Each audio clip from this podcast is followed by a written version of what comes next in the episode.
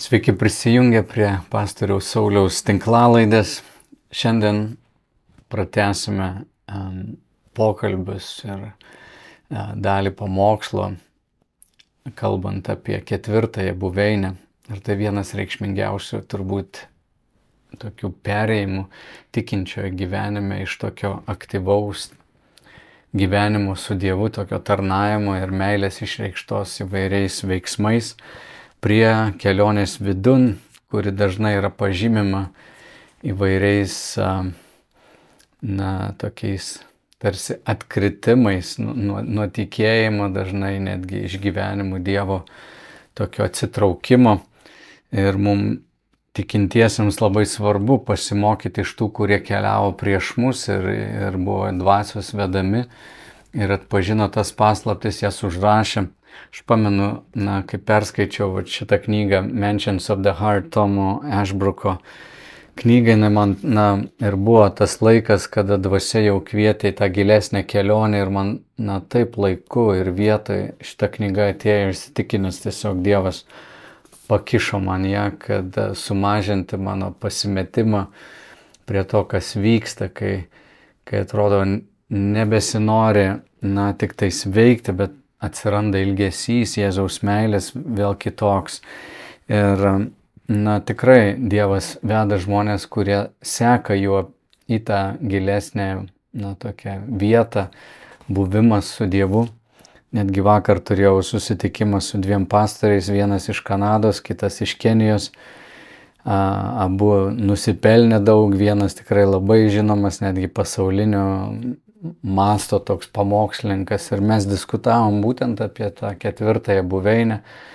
Ir na, jo toks nuolankus požiūris, žmogus, kuris yra žymus pamokslininkas, kviečiamas įvairiose vietose pamokslauti ir vadovauja na, dideliai bažnyčiai, steigęs per 300 bažnyčių įvairiose pasaulio vietose, jis sako, kodėl niekas man apie tai nepasakoja. Tikinčiojo gyvenimą įsivaizdavau kaip tokį na, daryti daugiau ir geriau, disciplinos daugiau ir atsidavimo daugiau, bet kad šventoji dvasia nori pakviesti tokį gilesnį tą santykį ir, ir į didesnę šviesą, kuri apšviečia širdies kerteles ir motyvus ir, ir pažinti Jėzų, apie tai, sako, nebuvau girdėjęs. Ir tai taip atgaivina ir, ir, ir bent jau sumažina tas įtampas, duoda aiškumą kad visa tai yra šventosios dvasios veikimas. Ir aš kviečiu tave klausytis šito pamokslo arčiau šeštosios dalies apie ketvirtąją buveinę, o vėlesnėse tinklalaidės dalyse aš noriu konkrečiau kalbėti apie kiekvieną dar buveinę ir pailustruoti mūsų tikinčių istorijomis, mūsų brolių sesų iš mūsų bažnyčios, kurie per tai ėjo ir na, leisti mums visiems būti labiau tokiais pažinusiais šventosios dvasios veikimo, buvimo ir tikiuosi, kad tai tikrai pasitarnaus tavo dvasiniai kelioniai. Taigi um, te suteikia šventoji dvasia tau išvalgų, tai būna tavo širdis rami, kur tu beklausytum, ar, ar keliaudamas, važiuodamas, ar bėgdamas, ar sėdėdamas namuose. Šventoji dvasia te, te gaivina tavo dvasę šiais žodžiais. Šiandien yra šešta savaitė, kada mes kalbame apie kelionę arčiau Kristaus. Ši pamokslo serija, kurią pavadinom Arčiau yra labai tamprai susijusi su mūsų bažnyčios misija.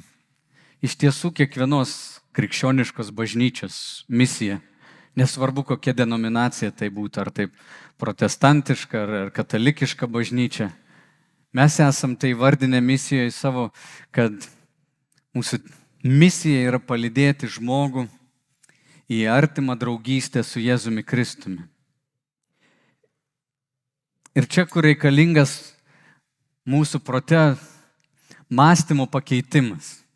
Matot, ką aš pastebėjau, kai žmogus ateina į bažnyčią, dažnai įsivardina savo perėjimą iš vieno gyvenimo į kitą, kaip nelankiau bažnyčios, dabar lankau, netikėjau Dievu, dabar tikiu, bet jo supratimas dažniausiai remiasi tuo, kad jis dabar lankys bažnyčią ir dažnai žmogus galvoja, dabar būsiu nu, geresnis. Nes mato, kad tai, ką darė anksčiau, kai kuriuos pasirinkimus, kuriuos darė, nuvedė į paklydimą kažkokį, į kažkokį praradimą, į savigailą. E, ir to labai daug mes aplinkui matom. Bet krikščioniškas gyvenimas tikrai nėra tik bažnyčios lankymas. O kai žmogus įtiki Kristų, prasideda toks gilus vidinis darbas mūsų širdyse padaryti mus panašius į Jėzų Kristų. Ir pasakykit man, ar jums nėra svetima tokia mintis, kad tu būtum vieną dieną panašus į Jėzų? Argi nereiktų man čia, nežinau, rautis plaukus ir bandyti jūs įtikinti, kad Dievas to nori ir vis tiek labai man sunkiai sektųsi. Mesgi nematom savęs kaip švento viešpaties, kuris buvo nesusitepęs, nenusidėjęs. Mes kasdien labiau matom savo trūkumus. Bet negalim savo praeičiai leisti nupaišyti mūsų ateitį negalim savo įvaizdžių, kaip mes save matom, būti pagrindiniu paveikslu, kurį nešimės per visą gyvenimą. Nes kaip bebūtų mums visiems keista, Biblija sako, kad tėvas pašaukė mus padaryti panašius į savo sūnų Jėzų Kristų. Iš tikrųjų, kai žmogų Dievas sukūrė, jis nesukūrė jo daryti blogą neapkesti, pavydėti, geisti, žudyti, gyventi savanaudiškai. Visa tai nėra, ką Dievas turėjo meni, kai kūrė žmogų. Bet mes žinom, kad velnės pavogė žmogaus širdį per melą, žmogus nusidėjo, jo prigimtis pasikeitė, mes jau gimėm su kitokia prigimtimi. Aš kartoju tai, kas yra esminiai dalykai, daugam iš jūsų yra žinomi, Bet negali nei tu, nei aš negalim niekada pamiršti tos pradžios, kad žmogus krito ir kad Jėzus Kristus atėjo atpirkti mūsų ir susigražinti mūsų širdžių pas save. Kad mūsų širdis nemylėtų žemiškų dalykų labiau negu Dievo. Kad mūsų širdis, kaip skaitėm šiandien katekizme, negeistų kažko labiau negu Dievo geidžia ir nepasidarytų savo jokio stabo, kurį garbintų, vietoj to, kad atiduotų savo meilę, pagarbą, visą savo meilę jam. Bet čia yra kelionė, kurioje nei vienas žmogus negali padaryti labai daug be jo malonės, be jo palankumo. Mes esam bejėgiai. Dvasiškai kalbant, mes esam akli, be rankų ir be kojų.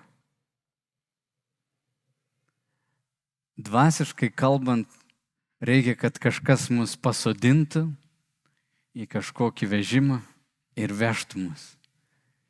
Ir tą šventoji dvasia daro žmogaus gyvenime. Čia tarsi įžanga, bet visada noris pamatą tokį pasidėti Kažkas gal praleidot keletą dalių. Šiandien noriu kalbėti apie ketvirtą buveinę. Kai kurie iš jūsų skaitat Teresės iš Avilos knygą Vidinės pilies buveinės. Aš skaitau keletą knygų susijusių su dvasiniam tom dvasiniais etapais tikinčiojo gyvenime. Pirmas etapas dažnai yra įsimylėjimas į Jėzų, supratimas, kad buvau nusidėlis, jis kažką padarė manyje.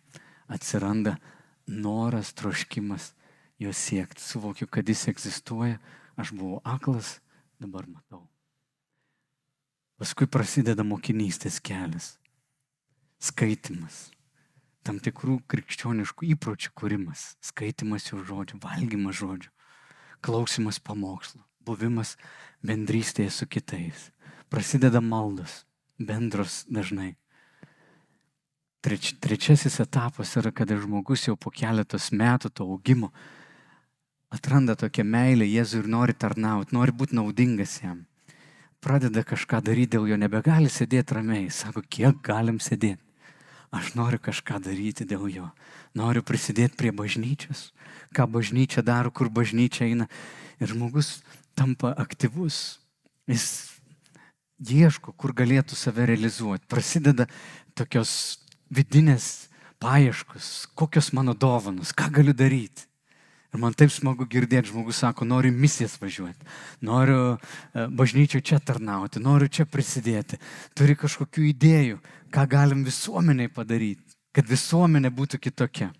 Gal su našlaičiais dirbti, gal su benamiais, gal, gal reikia švietimo sistemą keisti, gal reikia tiesą nešti į visą, nežinau, į ministerijas, keisti kažką. Žmogus nori matyti pasaulį kitokiu, save mato kaip atsakymą. Ir dažnai tai yra tokie brandos metai. Aš sakiau, tai susijęs su žmogaus, kaip žmogaus branda taip pat. Dažnai tai bus galbūt nuo 25 iki 40, kur žmogus labai aktyvus yra, labai daug tarnauja, labai daug daro. Tikinčiam, sakiau, visgi tai gali tapti pavojinga vieta, kad veikla gali užgošti buvimą su Jėzumi.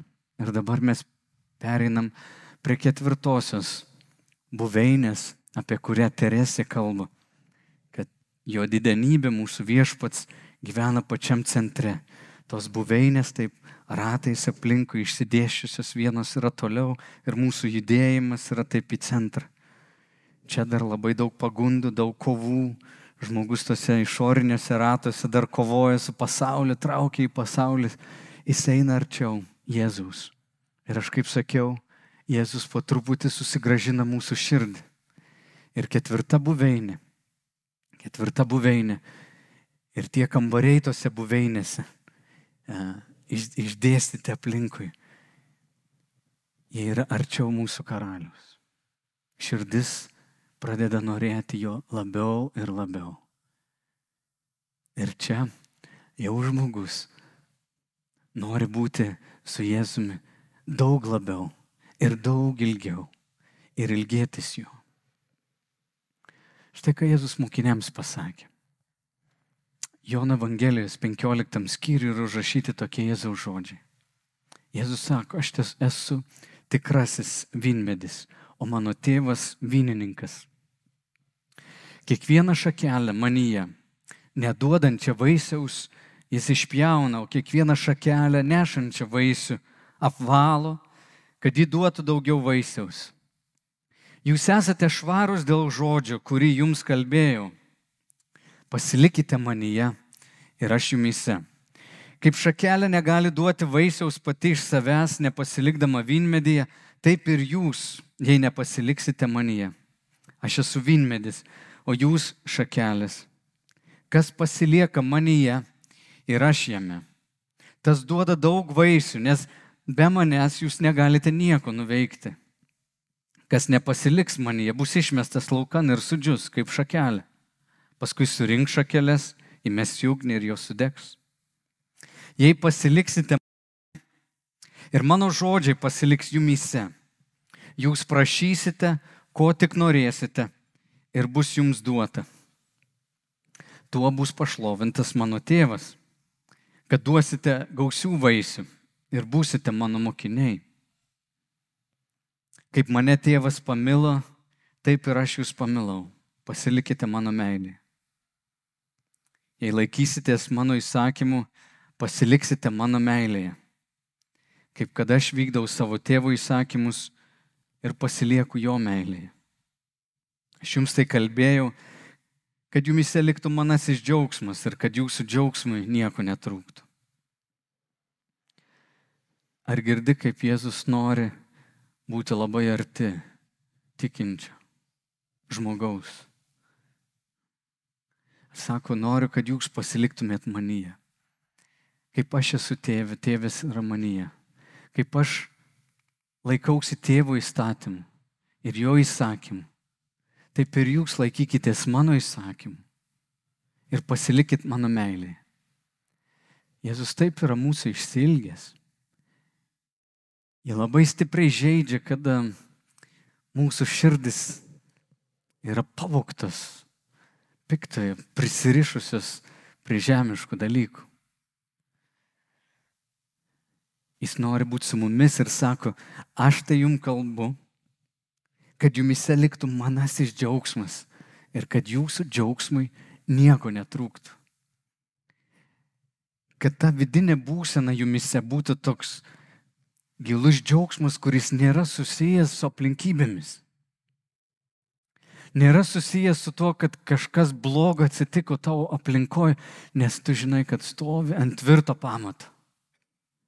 Ir žinai, kad esi tvirtas Jėzuje ir jo meilė yra nekintanti dėl tavęs. Jėzus tokio santykio nori su mumis ir nori, kad tu patikėtum, jog tai yra įmanoma. Kad tu nebebūtum blaškomas nei kairė, nei dešinė, bet kad būtum įsitvirtinęs tame santykiai su juo. Ketvirta buveinė yra ta vieta, kur užsimesga, kaip čia galima būtų sakyti, romanas su Jėzumi. Teresė rašo, kad ketvirta, penkta, šešta ir septintos buveinės yra, kada žmogus vėl kitaip įsimylė Jėzų. Jis pradeda tokią artimą draugystę, kokios neturėjo pradžioje. Jeigu pradžioje jisai žavėjosi juo, dažnai norėjo gauti kažką iš jo. Pirmosios maldos būna, Dieve, išgelbėk mane iš tos priklausomybės, išgelbėk mane iš to pikto žmogaus, Dieve, išgelbėk, kad tai būtų viešpatė, duok man išlaikyti egzaminą dešimtukui ir panašiai. Tokios maldas. Padėk man išlaikyti teisės, kad galėčiau važiuoti mašiną. Ir taip toliau, ir taip toliau. Bet ketvirtoj buveiniai maldos pradeda darytis kitokios. Jėzau, duok pažinti tave. Kai išeisiu per gyvenimą, šiandien, būdamas su tavimi šiandien, aš noriu pažinti, ką tu veiki. Aš noriu matyti tave kitose žmonėse. Dievo ieškojimas pasidaro didelis širdies troškimas. Iš tikrųjų, tokiam žmogui natūralu net atsisakyti kažkokios veiklos tam, kad galėtų pabūti su Jėzumi ankstyvosiuose buveinėse tai yra labai sunku. Protas nerangus lėkia. Osvaldas Čemberis kažkada pasakė, kad kartą paragavęs Dievo niekada nieko kitų nebepasitenkinsi. Tose buveinėse, ketvirtoji buveiniai, įvairiuose kambariuose prasideda toks artumas, žmogus paragauja Jėzaus, jis nieko kito nebenori. O tai pradžioj kelionės mužavi labai daug dalykų. Iš tiesų yra žmonių, krikščionių, kurie galvoja, kad Jėzus padės jiems įvykdyti visus jo fainus planus, visus nuostabius karjeros ketinimus. Jėzus bus didžiausia pagalba gauti tai, ko negalėjau gauti vienas.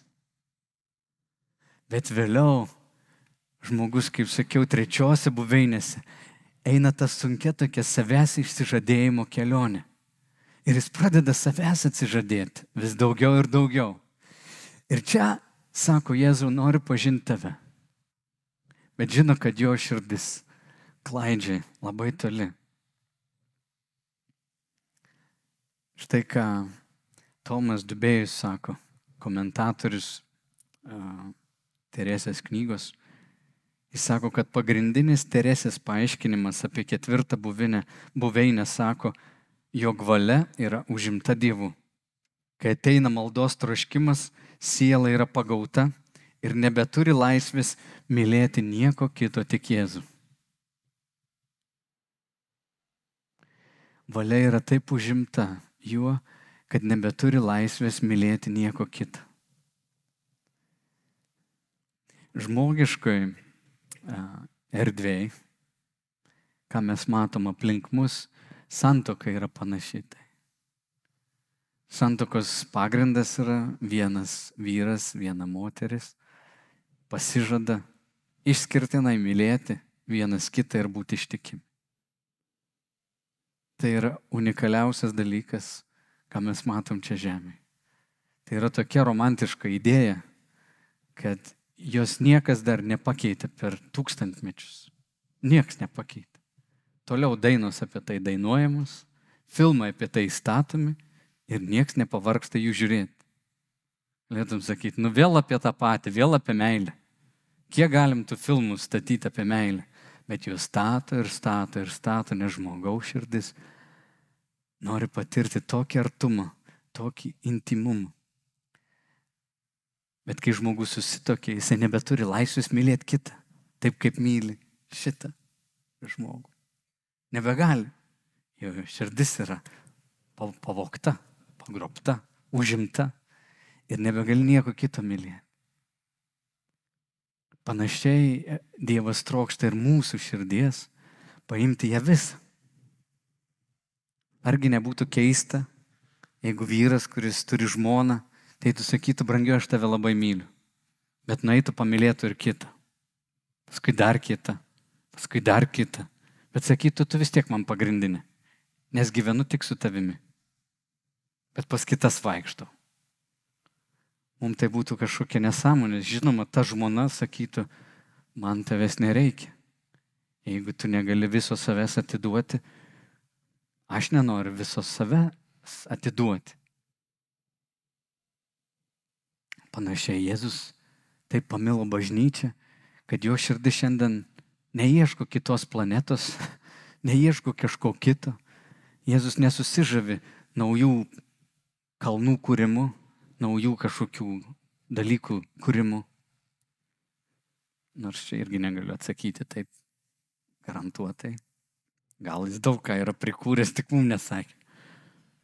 Bet tai, kaip aš suprantu meilę iš to, ką aš matau, ką jis užrašė, jis nori viso žmogaus. Ir įdomiausia tai, kad kai žmogus visą jį atranda, kai jo širdis jau taip jį myli, visa kita tampa nuostabia dovana kuri nebetempia žmogaus žemėn, net nebepavogė jo širdies, tiesiog tampa dar viena dovana iš to paties, kuris viską sukūrė ir viską davė. Tada mes naudojame šio pasaulio visomis gerybėmis, už viską dėkojam, nes gavom tai iš jo. Tai teikia didelį džiaugsmą.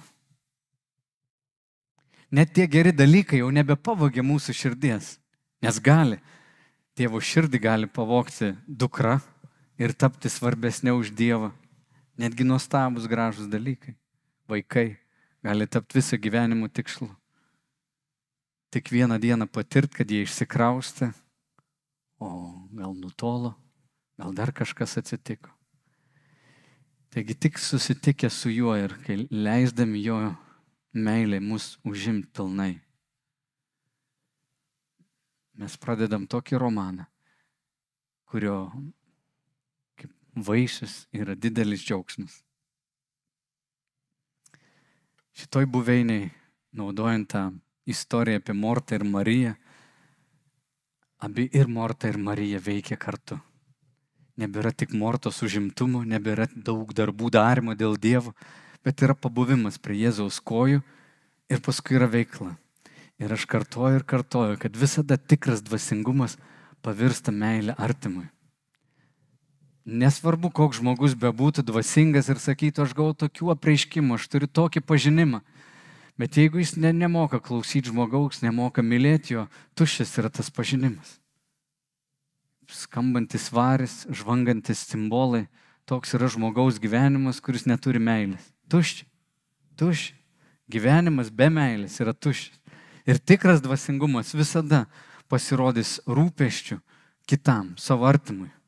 Ir svetimam, ir pažįstamam. Toje buveinėje kas labai svarbu - mūsų malda. Aš sakiau, jinai vis gilėja ir gilėja. Daugiau atsiranda vietos nurimti jo akivaizdai. Jeigu ankstesnėse buveinėse, netgi kai žmogus daug darbuojas dėl jo, jo malda dažnai yra toks sąrašas poreikių. Dieve, padėk tą padaryti, padėk tą padaryti, padėk šitą projektą įvykdyti. Gerus dalykus jis atneša prieš Dievą ir meldžiasi ir nori matyti sėkmę. Ketvirtoj buveiniai žmogus išmoksta nurimti, mokosi nurimti ir tai nėra lengva. Žinokit, niekam nėra taip lengva nurimti. Protas kaip mažas vaikas, visą laikšneka ir laksto. Kažkas apibūdina mažus berniukus. Sako, tai yra bėgiojantis triukšmas. Mūsų protas irgi tai yra toks bėgiojantis triukšmas. Dar galim būti sakyti, išsitepęs bėgiojantis triukšmas. Ir tą protą reikia pasodinti ir leisti jam sėdėti, leisti jam ilsėti. Jeigu aš sakiau, kad meditacija praeitą kartą kalbėdamas apie, apie dvasinės pratybas, jeigu meditacija yra proto sutelkimas ties Dievo žodžiu, tai ketvirtoj buveinė atsiranda dar daugiau kontempliacijos. Tai yra proto sutelkimas tiesiog į Dievą. Buvimas jo akivaizdoje ir mąstymas apie jį, stebėjimas jo grožio. Ir kai mūsų vidinis žmogus žiūri jį, jo gėris jį mato, ateina ramybė, ateina buvimas toks Dievo, ateina naujas pamil... įsimylėjimas. Ir ta kontempliacija, sutelkimas minčių ties Dievu, tampa giliu pasisotinimu. Nebėra tokio lakstimo, veržimusi, bet buvimas. Kartais gali tiesiog save įsivaizduoti atsisėdusi ir tu būni prie jo kojų kaip Marija. Žiūri jo veidą ir galvoji, ką Jėzus man turėtų šiandien pasakyti. Tokia yra malda. Ir štai kas vyksta kontempliacijų, panašiai ką Ezekielis yra parašęs. Dievas davė pažadą savo tautai, sako, aš duosiu jums naują širdį ir įdėsiu jums naują dvasę. Aš išimsiu akmeninę širdį iš jūsų kūną ir duosiu kūno širdį. Aš įdėsiu į jūs savo dvasę ir padarysiu, kad vaikščiotumėte pagal mano nuostatus ir vykdytumėt mano sprendimus. Jūs gyvensite krašte, kurį jums daviau jūsų tėvams ir būsite mano tauta, o aš būsiu jūsų Dievas. Štai koks pažadas yra. Ir pa, pažiūrėk, kas čia žada. Kas sako, kad tai padarys. Dievas sako, aš išimsiu iš jūsų širdies tą akmenį ar akmeninę širdį. Aš įdėsiu gyvą širdį, kūno širdį. Aš padarysiu, kad jūs vaikščiotumėt ir mylėtumėt dalykus, kuriuos aš myliu. Aš tai padarysiu. Tai yra toks nuostabus pažadas, aš ilgus metus nesupratau to. Aš galvojau, kad man reiks labai daug stengtis ir aš reiklesnis gal už patį Dievą, bent jau savo. Kaip pradedu mąstyti apie tai, kokie nuostabus jo pažadai, kad jis sako, aš tai padarysiu. Bet mes būdami jo akivaizdai, būdami tiesiog tyloje ramybėje, pradedam matyti, kad Dievas išima kažką iš mūsų širdies, įdeda kitą dalyką. Štai mes mylėjom tokius dalykus, dabar jų nebemylim. Kažkada žmogų pagirimas buvo, o koks jis buvo svarbus. Žmogaus nuomonė, ką jie sako, tai labai dažnai mus varo į priekį. Labai mums svarbu yra kaip žmonėm. Žinot kodėl? Todėl, kad be konteksto mes esam pasimetę. Mūsų aplinka, mūsų kontekstas labai daug pasako, kas mes esam, ar ne? Tu ateini ir jeigu visi žmonės taip pažiūri tave nusisuka, tu negali jausis normaliai kaip žmogus, tave tai žais. Mūsų aplinka, mūsų kontekstas mums liudija labai dažnai, kas mes esame. Ir kartais mes žiūrim, sakai, aš ten per, per, per aukštas, aš per, per žemas, aš per storas, aš per plonas, gražus ar negražus. Mes pilni baimių. Pabuvę Jėzaus akivaizdą patiriam stebuklą. Ir kai jis pasako, aš tave myliu, tada žmogus ateina ir žiūri tave keistai, ar, ar nenori būti su tavim, ar draugas nusisuka, ar tau nieks neskambina tu pradedi jaustis daug normaliau, daug lengviau. Ir mūsų vienatvės jausmas yra keičiamas į tą buvimą vienumoje su juo. Apie tai truputį pakalbėsiu. Ką daro velnė šitose buveinėse? Du dalykai. Trukdžiai tęsiasi toliau. Velnės taip nori įtraukti žmogų į tą veiklą. Iš tikrųjų, velnės nieko nebijo taip stipriai kaip žmogaus buvimo, tiesiog ramybėje, atsidavime jam. Jo negazina net didelė veikla. Jo net negazina, kai žmogus gali labai efektyviai darbuotis, kažką skelbti, bet jeigu jis pats nėra pasikeitęs, kartais tai tampa didžiausiu piktojo įrankiu. Nes žmogus, kuris sako, eikit visi paskui mane. Ir jis veda minę, daug žmonių. Visi žiūri ir sako, o, žiūrėkit, koks jis lyderis, kokius darbus daro. Ir visi sako, jis yra kietas. Jis yra lab, jis ypatingas, labai apdovanotas ir kiek daug jo seka. Kiek jis laikų surenka Facebook'e, kiek daug jis sekėjų turi ten Twitter'e ar dar kur nors, kiek apie jį daug kalba. Ir paskui tas žmogus, kuris nepakitęs, galbūt kažkur turi slaptų nuodėmių, jų nesusitvarko, krenta, piktasis rankom ploja. Dar vienas, dar vienas apsimetėlis krita. Ir visi keikia. Žinot, kiek daug dergiamasi ant Dievo, kaip Dievas yra keikiamas, kai iškyla skandalas, kad koks pastorius ar kunigas tvirkino vaikus, arba vogė pinigus, išnaudojo žmonės bendruomeniai, kažką melavo. Kaip tai yra baisu. Todėl iš tikrųjų tikra lyderystė, tik, tikras vedimas yra visiškas toks ėjimas žemyn į, į mažėjimą ir mažėjimą, kur žmogus sako, aš tikrai suprantu, kad esu labai menkas. Tik tu, Kristau, gali tai padaryti, tada Dievas matosi didesnis.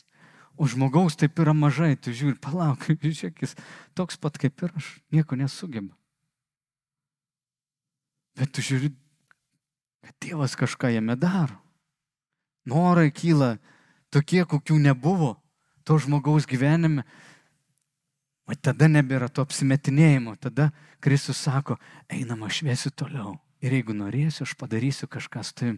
Bet piktasis dažnai maldoje mus ir, ir tam ketvirtoj buveinė nori vėl įtraukti. Eik, daryk, daryk, daryk, daryk. Daryti reikia visuomet. Aš kaip sakiau, jeigu tu nustojai savo tikėjimą išreikšti darbais, miręs tavo tikėjimas, tu kažkur užstrigai. Brangiai nepapulkite į tą bėdą, kur aš taip noriu būti su Jėzumi, aš taip Jėzų myliu, kad dabar nieko nebedarysiu. Iš tikrųjų, man tik Jėzus bereikia. Ir tokie pradeda plesdenti, tokie, žinai, šventuoliai, atitrūkę nuo realybės, jau, wow, neik su juo kalbėtis, dabar meditacijoje yra, jis dabar, žinai, nesertink prie jo, nes apšauks. Ir va tokių plesdenančių nereikia. Nereikia, reikia taip labai atsargiai. Bet to buvimo su juo turi būti tiek, kiek ir šito buvimo. Bet piktasis nori taip ištraukti, kad mes būtum tik čia ir čia ir čia ir efektyviai darbuotumėmės. Pabūk, todėl, sakau, net kažkas ateina čia šeštadienį salę visą šitą pastatyti, kad mes patogiai, šiltai čia galėtumėm sėdėti. Ačiū visiems, kurie tarnaujat. Ačiū tiem, kurie ateina ir sako, kad aš noriu pasitarnauti.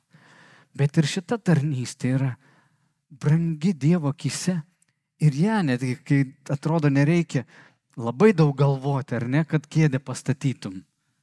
Bet jinai turi būti atnešta kaip auka Jėzui. Ir viską, ką darom dėl jo, ir jam yra šventa. Kažkas verčia šiandien, kažkas skaidrės čia uždeda, kažkas šviesas tvarko, kažkas meldžiasi, kažkas su vaikais tarnauja visa, ką jūs darot, yra šventa. Taip šventa, kad net neįsivaizduoji, kaip Kristus tai vertina. Tai yra labai brangu jo akise.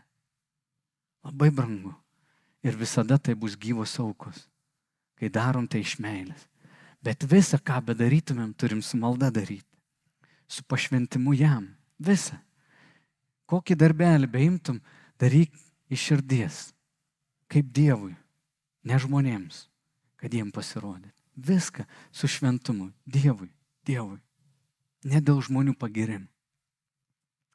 Ir dar vienas dalykas, ką piktasis naudoja - trukdžiai, kitas dalykas - gėda. Labai trumpai - gėda. Piktasis sako, tau buvo atleista. Dievas yra geras, jis atleido, bet žinai, kaip tu jį erzini ir nervini, kai vėl ir vėl tuo pačiu nusidedi.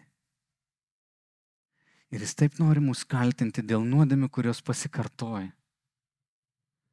Brangus broliai ir sesė, turiu tau liūdną naujieną. Liūdna naujiena yra tai, kad kol mes šitam kūne gyvensim, mums bus sunku nenusidėti. Visada. Visada. Visada.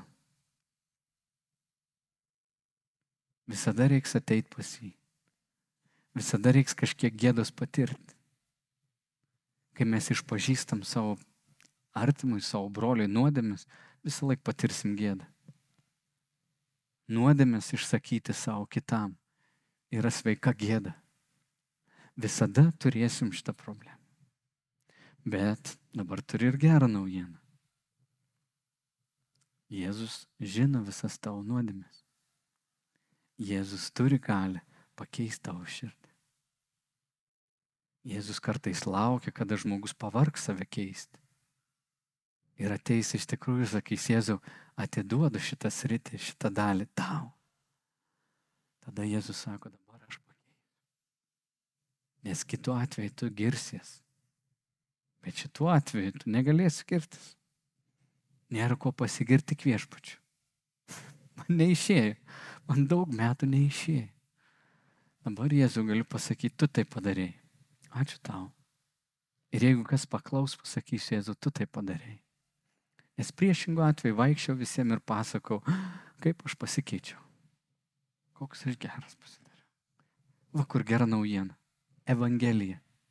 Geroji naujiena. Jis mus pakeičia. Kas mums padės aukti šitoje ketvirtoje buveinėje? Kai kurie iš jūsų esate joje, kai kurie įėjote tai. Yra keletas dalykų, kurie nepasikeis. Viena mentoriaus turėjimas, žmogaus, kuris iš šono pažiūrėtų į tave. Tu nenueisi niekada toliau, kol tu neturėsi šalia žmogaus, kuriam tu gali pasipasakoti, kuris gali už tave pasimelsti ir nebijo pasakyti tau tiesą, kas tu esi. Jeigu tu dar bijai išgirsti tiesą, gal tu esi dar antroji buveiniai. Tu dar slapstais, dar bandai pasirodyti. Bet į ketvirtą buveinę atėjęs, tu jau žinai, kad tau nėra prieš ką vaidinti, tu jau supratai, kad esi silpnas, kažkas turi tave palydėti, kažkam turi atsiverti ir turi surasti tą žmogų. Melsis, prašy Dievę, duok man tokį žmogų. Koks jis bebūtų, ar vyresnis, ar jaunesnis, bet turi turėti tokį. Mums bažnyčiai tie, kurie esat labiau pažengę, turit visada pasitarnauti tiem, kurie yra mažiau patyrę. Ne, Nelikit besirūpindami tik savimi. Dievas neleis tau aukti, jeigu tu nieko kitų nesirūpins. Jis visą laiką neš balansą. Mūsų tas vertikalus santykis visada turi pavirsti ir to horizontalių santykių su aplinkiniais.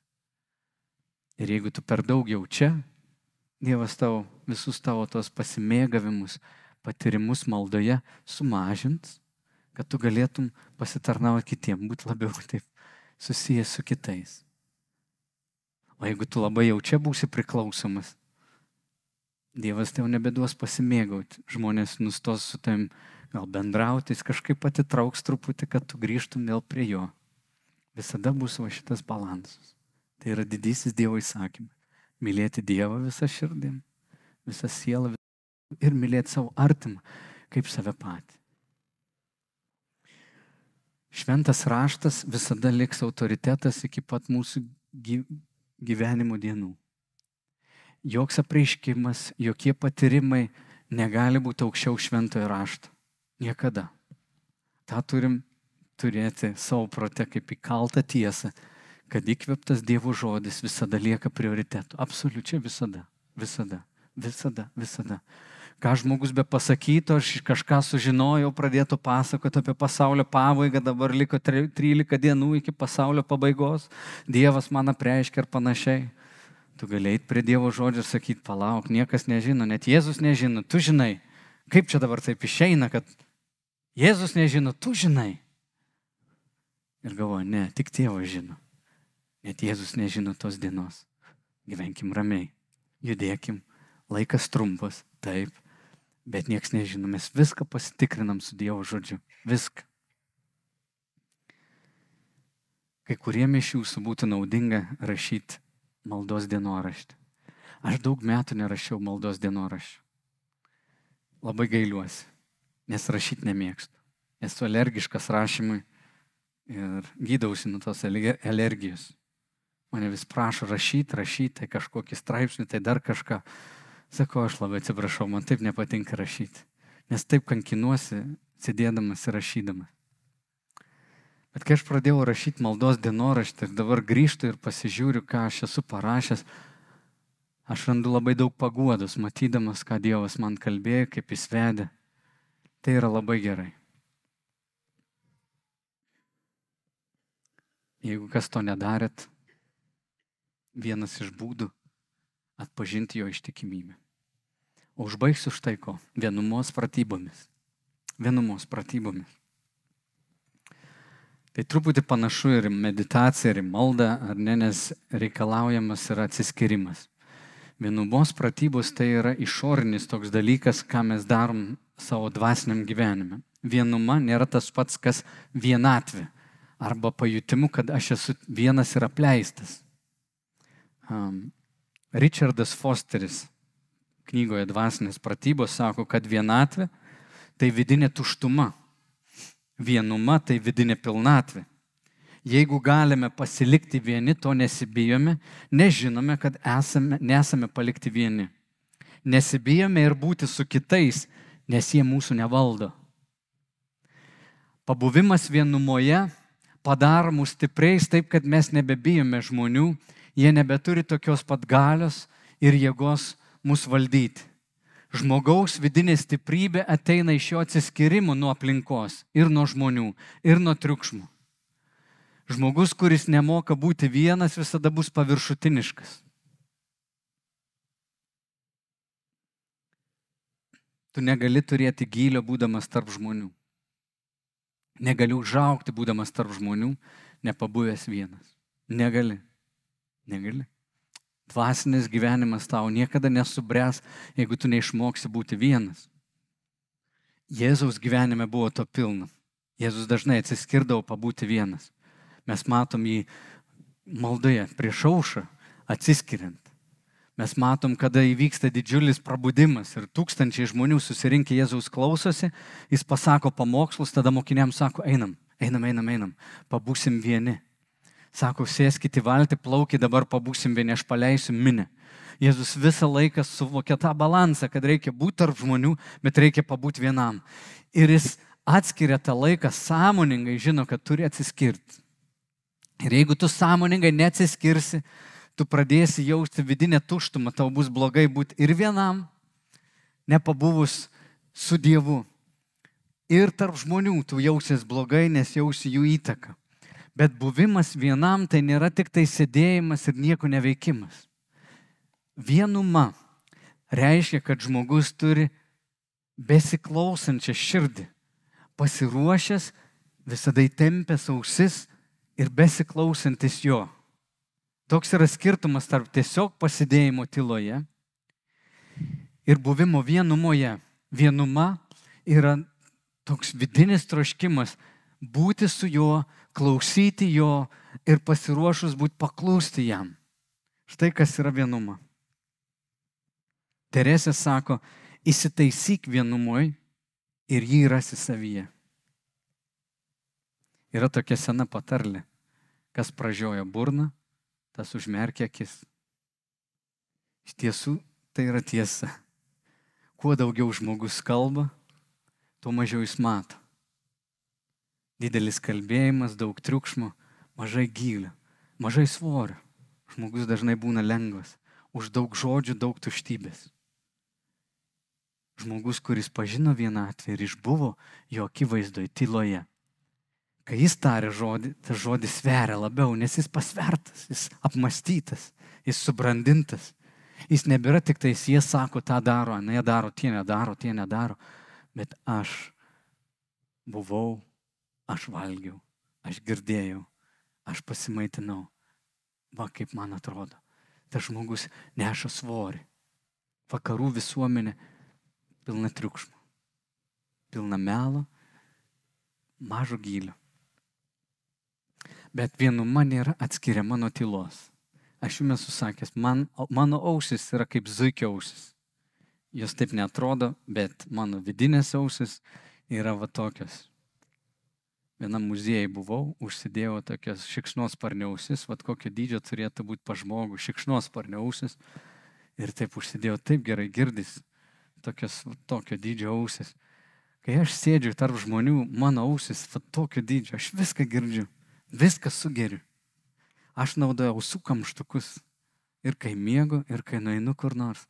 Dažniausiai kur nors kišeniai turiu, arba savo portfelį, aš galiu įsikišu ausis, užsikemšu, man tylu ir aš galiu net triukšme būti. Visi aštrus garsai yra nuimti, čia labai praktiškai jums pasakoju, aštrus garsai nuimti ir aš galiu girdėti savo kvėpavimą, aš galiu užsimerkti ir būdamas vienoj vietoj, nu ne tai, kad iš, iš kūno iškeliauti, bet tikrai būti tyloje su juo. Ir tai yra svarbu, kad mes pabūtumėm tyloje. Vienuma mus nuveda į tokią net ir mažesnį kalbėjimą. Kai mes kalbame, mes darom įtaką žmonėms. Kai mes kalbame, mes kontroliuojam kitus, valdom dažnai kitus, galim juos įtikinti, pasakyti kažką, apkaltinti, sukelti reakciją juose. Kai mes tylime, mes atsisakom kontrolės. Labai nepatogus jausmas. Labai nepatogus jausmas, kada tu nekalbi, leidi kitiems daryti tau įtaką. Apmastai viską tu nebevaldai jų. Bet tai irgi yra tos vienumos rezultatas, tas pabuvimas. Praktiškai ką tai reiškia? Pasinaudokit kiekvieną dieną tylos akimirkom. Jų yra daug, bet jas reikia reguliariai naudoti. Kai ryte atsikeli, jeigu atsikelsi anksčiau, turi kažkokią tylę vietą, nueik pabūti. Kartais pasidaręs kavos podelį, atsisėdęs, neliek kažkur kažką daryti, Tiesiog atsisės su kavos podeliu. Pauostyk. Pabūk tyloje. Sutelk dėmesį. Nors keletą minučių, bet pradėk daryti tai reguliariai. Kitas dalykas, surask vadinamas dykumas. Pustinė yra. Yra naudojama net vakarų pasaulyje iš bažnyčios tėvų laikų, kad reikalinga ta dykuma. Pamenat, Jėzus nuėjo 40 dienų į dykumą ten nebuvo ne vieno žmogaus. Kaip svarbu yra žinoti, kad tu gali būti vienas, niekas nepasibels į tavo duris, niekas tau nesutrukdys. Kaip yra svarbu žinoti tavo sielai, kad ji galėtų nurimti. Tai gali būti parkas, tai gali būti pajūris, tai gali būti tavo namai. Bet rask vietų, kur nieko nebus. Telefoną išsijung, padėk į. Tokioj vietoj tu atrasi tylą, tu atrasi viešpati, jis tavęs ten lauks. Dar tau ten nenuėjus, jis jau ten bus. Jis tavęs ten lauks. Dievas susitinka su mumis dykumoje. Rasta laiką. Kartą savaitėje, kartą dienoj, galbūt kartą metuose, išvažiuok dienai dviem. Kai kurie važiuoja vienuolyną pabūna tyloje dvi, tris dienas. Kiti išvažiuoja, man patinka tiesiog užsidaryti kokiam nors, kokioj namelį kokiam, ar tai prie jūros, ar kokiam miške, tiesiog išvažiuoti, kur nieko nėra. Ir pabūti. Paimti tris dienas, nieko nevalgyti, turi vandens iš krano, jeigu bėga, ačiū Dievui, gali gerti vandenį, būti tyloje. Šitas pabuvimas su Jėzumi, kai tu sakai, Jėzau, man nesvarbus, nei žmonės, nei maistas, nei dar kažkas, noriu pabūti su tavim atneša tokį gilų vidinį pasitenkinimą, tokią ramybę, ateina kitas matymas į aplinką. Gerai, čia baigiu, pamokslas eina į pabaigą. Vieną tik įtarimą turiu, jūs klausotės tų žodžių ir sakot, nu čia skiedžia tai, nu ne man. Aš toks užimtas, apie kokias čia pustinės, apie kokias čia dykumas, kokį tą kavos podelį aš atsikeliu, aš jau pavėlavęs esu. Aš, aš, aš žinau, kad aš būsiu pavėlavęs į vakarę, kai eisiu mėgoti. Ir kaip tau pasakyti, kad tu savęs neteisintum, kad tai nėra kažkokiem super šventiesiam. Kaip tau tai pasakyti? Ar tu galvoji, kad čia va, stovi žmogus, kuris yra kažkoks ypatingas, kad aš esu labai ypatingas žmogus? Jeigu tu girdėtum, kas pas mane galvoj dedas, tu sakytum, gražinkit mano smegenis. Buvo geriau. Tikrai. Tu nežinai, iš kur aš ateinu, aš nežinau, iš kur tu ateini. Būtų kvaila ir lygintis. Bet negalvo, kad tu esi labiau beviltiškas negu šalia tave sėdintis žmogus. Visa, ką mes darom, yra iš jo malonės. Aš esu aklas, be rankų ir be kojų. Tu toks pat. Turi suprasti, kad Jėzus mus veža. Jis mus veda. Ir jeigu tu atsiskirsi pabūt su juo, tu eisi gilesnė ir gilesnė buveinė. Var tie, kurie sako, aš tik pirmoji buveinė. Aš dar kovoju su velniu, aš nežinau, kaip išeiti iš pasaulio. Aš nežinau, kaip gyventi kitaip. Aš prisijung prie tų, kurie nuėjo toliau. Aš pasakoju šitos dalykus ir su viltimi, kad tai pažadins tavo apetitą. Ir ką noriu toliau dar kalbėti apie penktą, šeštą, septintą buveinės, kad tai pakeltų mūsų apetitą. Ir mes matytumėm, į kokį artimą santyki Jėzus kviečia. Kad suprastum, kad tai, kas mūsų dar laukia, yra labai labai gera. Tai yra taip gera, kad niekas čia nepatenkins mūsų.